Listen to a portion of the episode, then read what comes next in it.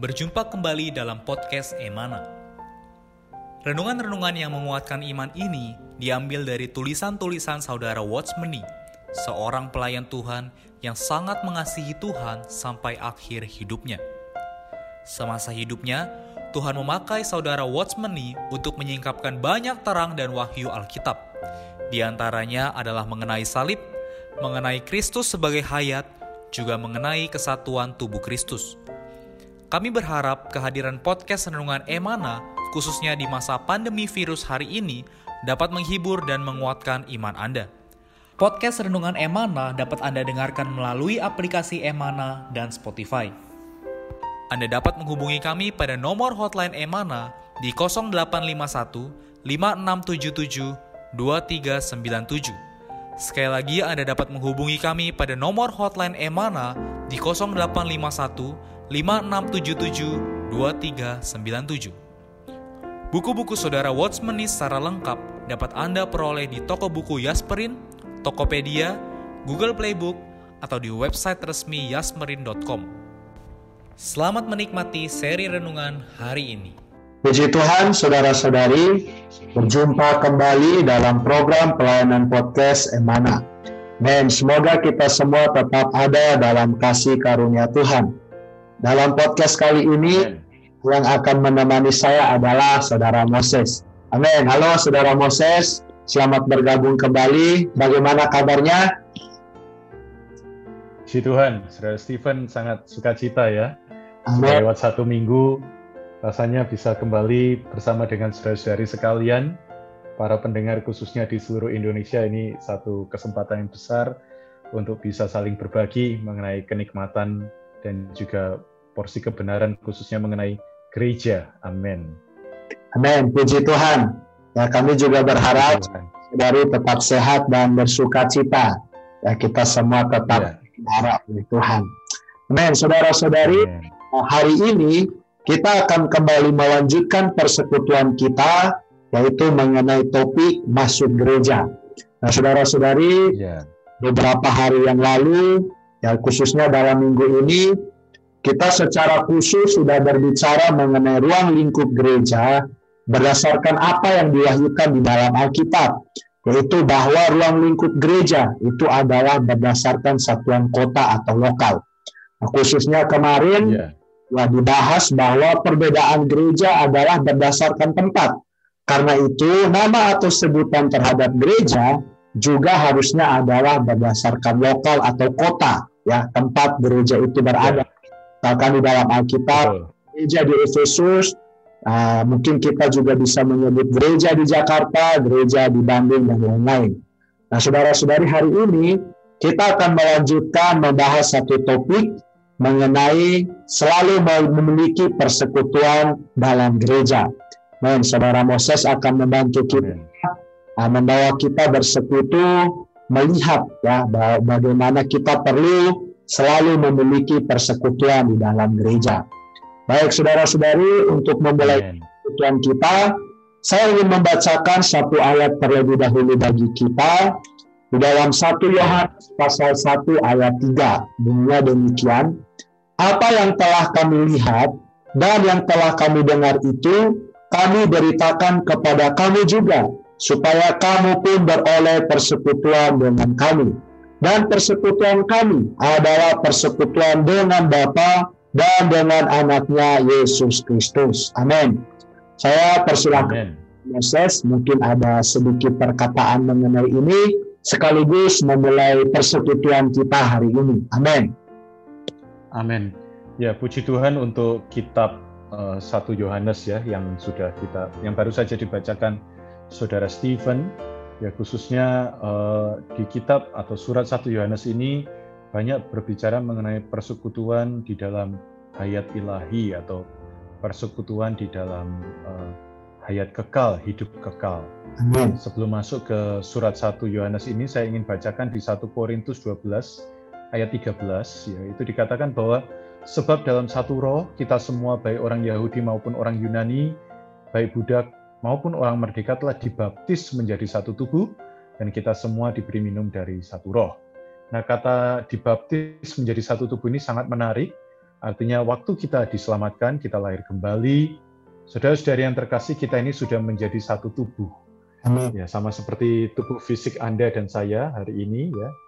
Di dalam tubuh kita ini terjadi satu persekutuan, ya, satu aliran, satu bentuk partisipasi saling ya. Jadi anggota tubuh saya yang satu dengan yang lain uh, tidak bisa terpisah satu dengan yang lain. Ya, begitu saya dilahirkan menjadi seorang manusia yang utuh, maka tubuh saya, anggota tubuh saya ini saling berpartisipasi ya.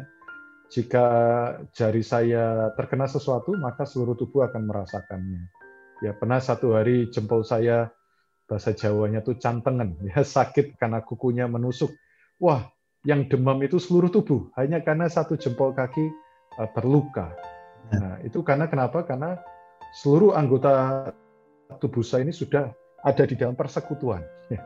Nah, masuk ke satu Yohanes, ya waktu kita dilahirkan menjadi satu tubuh Kristus, kita ini ada di dalam satu persekutuan. Ya, jadi begitu orang itu dilahirkan kembali, dia bukan hanya menjadi seorang anak Allah yang sebatang kara tinggal di dunia uh, secara individu, nah. tapi tanpa uh, sadari mau tidak mau secara spontan dan otomatis kita semua dilahirkan ke dalam satu tubuh Kristus. Amin. Dan inilah yang menjadi pemberitaan dari para rasul, rahasia yang tersembunyi di dalam Kristus yaitu uh, gereja ya atau kita sebagai gereja adalah tubuhnya dan di dalam inilah kita bisa bersekutu.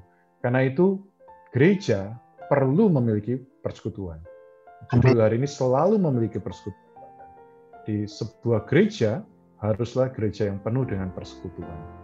Nah, karena itu, saudara-saudari, Bapak Ibu sekalian, jika di dalam tanda kutip gereja, Anda tidak saling kenal, Anda mungkin hanya uh, apa namanya ya, uh, menjadi orang yang cukup, yang penting saya berbakti pada Tuhan, ya, datang kepada Tuhan, uh, orang itu saya tidak terlalu tahu, ya bukan artinya ikut turut urusan ya campur campur apa ikut campur dalam urusan tetapi kita tidak peduli. Nah, saudara-saudara, itu bukanlah penghidupan praktis dalam gereja. Amen. Penghidupan praktis dalam gereja adalah penuh dengan persekutuan. Amin.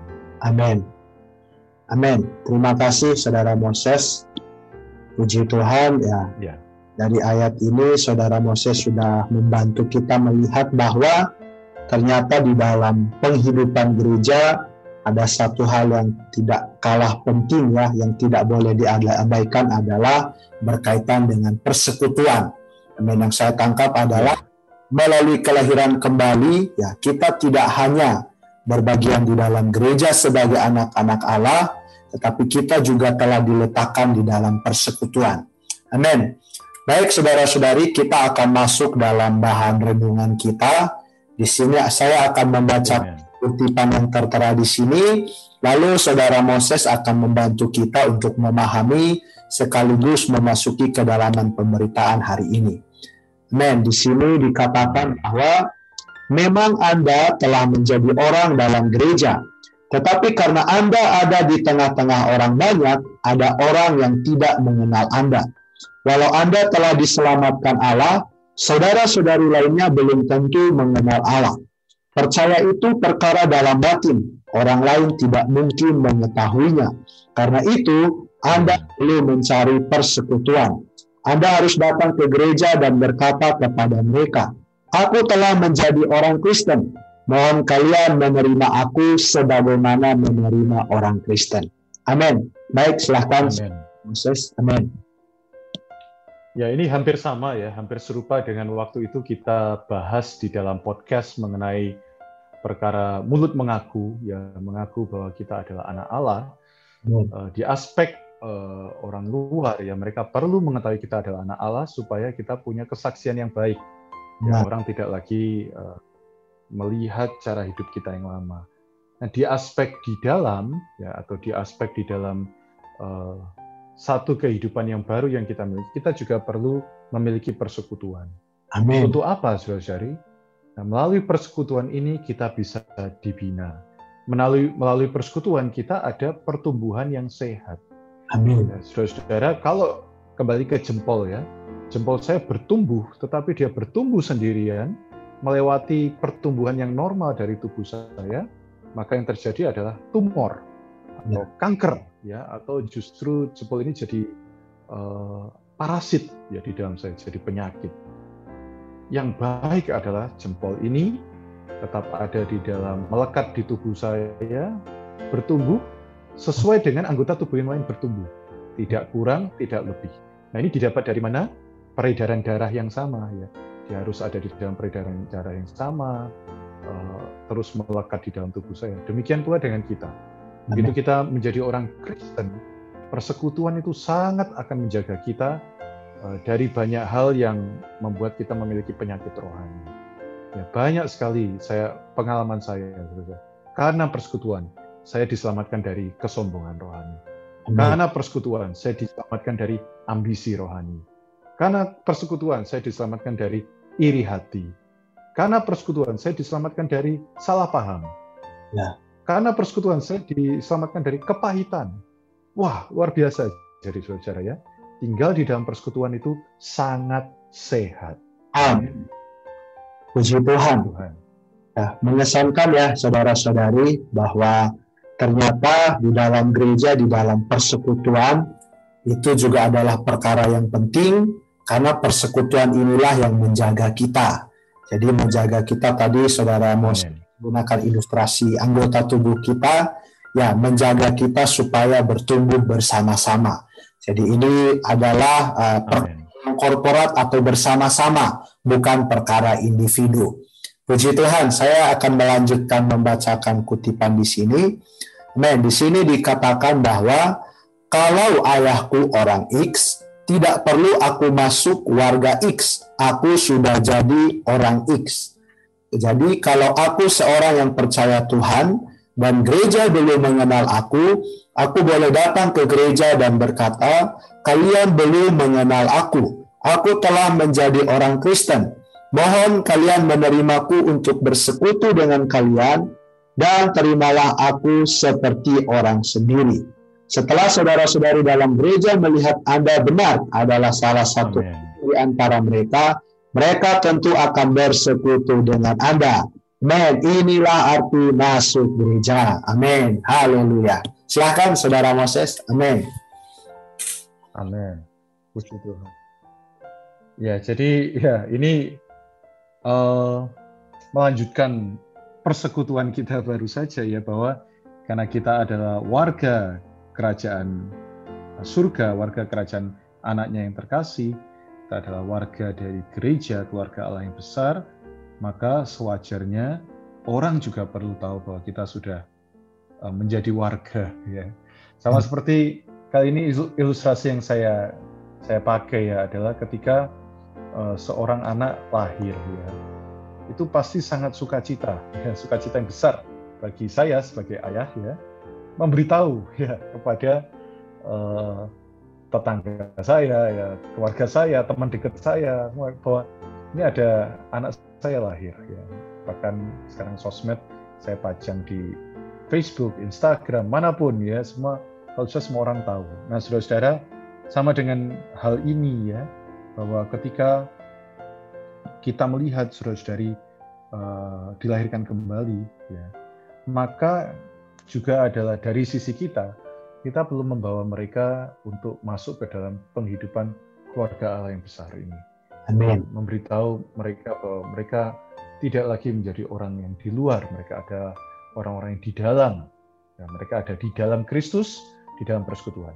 Nah, bagi yang sudah dilahirkan kembali, ya ya ini saatnya kalau bayi itu teriak ya nangis kenceng ya anda perlu memproklamirkan ya bahwa aku hidup ya bayi itu kan eh, apa namanya menangis ya itu adalah untuk menyatakan dia sehat ya sebenarnya tanda bahwa dia sehat ya normal kita perlu banyak uh, memberi indikator bahwa kita ini sehat melalui kita berteriak berseru ya Amin. mencari bukan mencari perhatian dari kaum saleh, bukan ya, bukan mencari perhatian dari anggota yang lain dengan membuat perkara, bukan.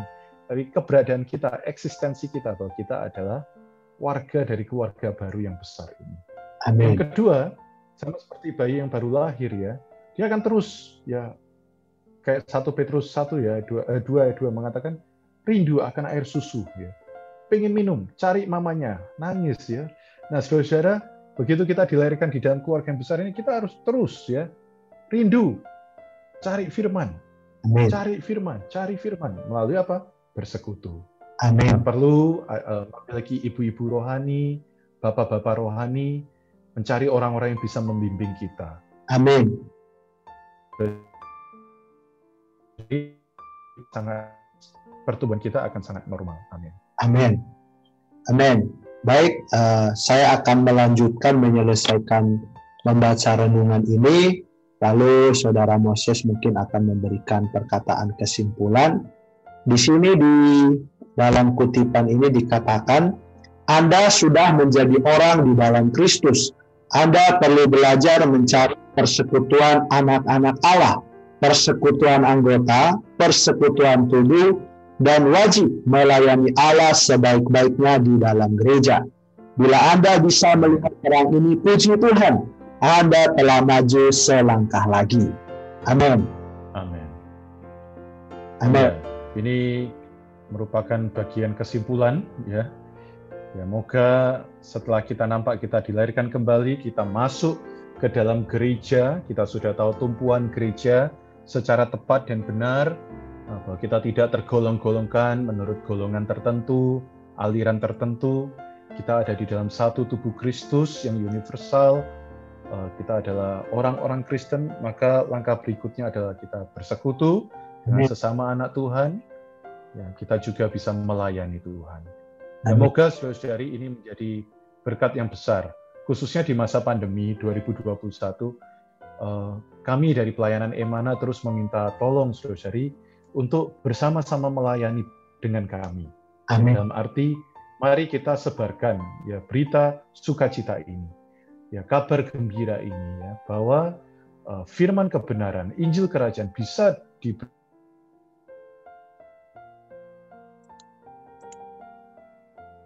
aplikasi ini kita damba, kita semua ada di dalam persekutuan yang sama, kita melayani bersama hingga Tuhan datang kali kedua. Amin, Saudara Stephen. Amin. Tuhan. Baik, terima kasih Saudara Moses atas persekutuannya. Mengucap syukur saudara-saudari bahwa melalui renungan-renungan ini, ya kita dibawa melihat apa yang terkandung di dalam hasrat hati Allah. Saudara-saudari ternyata ya sasaran Allah di dalam menyelamatkan kita bukan sekedar supaya kita ya menerima keselamatan itu sendiri, tetapi Allah juga baba setelah beroleh selamat, kita berada di dalam gereja, kita berada di dalam yeah. persekutuan, sehingga kita boleh bersama-sama anak-anak Allah yang lain menuntut Allah, juga bersama-sama berkoordinasi melayani Allah. Semoga saudara-saudari yeah. mendengar berita-berita ini, ya kita semua memiliki kedambaan yang sama, ya seperti saudara Mos yeah. yang tadi bahwa memiliki kedambaan yang sama untuk bersekutu, juga bersama-sama dengan saudara-saudari melayani Tuhan di dalam gereja. Amin. Baik, Amen. untuk menutup persekutuan kita, saya minta dalam kasih saudara Moses untuk berdoa bagi kita. Amin. Amin. Terima kasih Tuhan Yesus atas persekutuan yang indah satu minggu ini. Kami boleh makin memahami betapa kami ada di dalam gereja. Amin. Tuhan Yesus terima kasih untuk hidup gereja. Amin. Tuhan bukanlah yang terpisah dari hidup kami sehari-hari. Terima kasih hidup gereja adalah hidup kami yang baru. Amin. Bawalah kami Tuhan. Makin bersekutu, makin menempuh hidup gereja.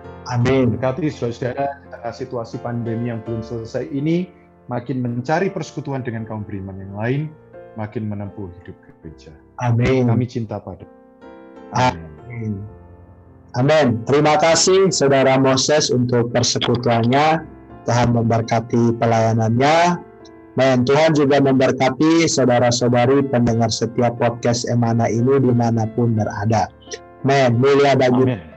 Sampai jumpa di dalam podcast yang berikutnya. Haleluya. Puji Tuhan. Amin. Puji Tuhan. Sekian podcast Renungan Emana hari ini. Kami akan kembali pada seri berikutnya. Anugerah dari Tuhan Yesus Kristus dan kasih Allah dan persekutuan Roh Kudus menyertai kita semua.